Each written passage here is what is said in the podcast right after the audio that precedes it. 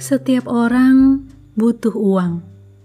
Itu sebabnya orang akan melakukan banyak hal untuk mendapatkan uang, untuk memenuhi kebutuhan hidupnya.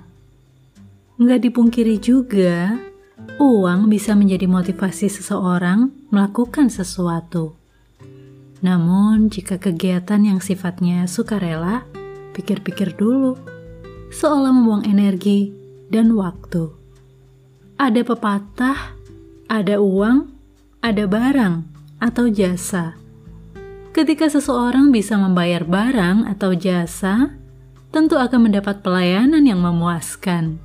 Namun, jika sifatnya sukarela atau seseorang yang tak mampu membalas jasanya, umumnya orang akan berbuat sekenanya. Tahu bedanya? Iya, uang.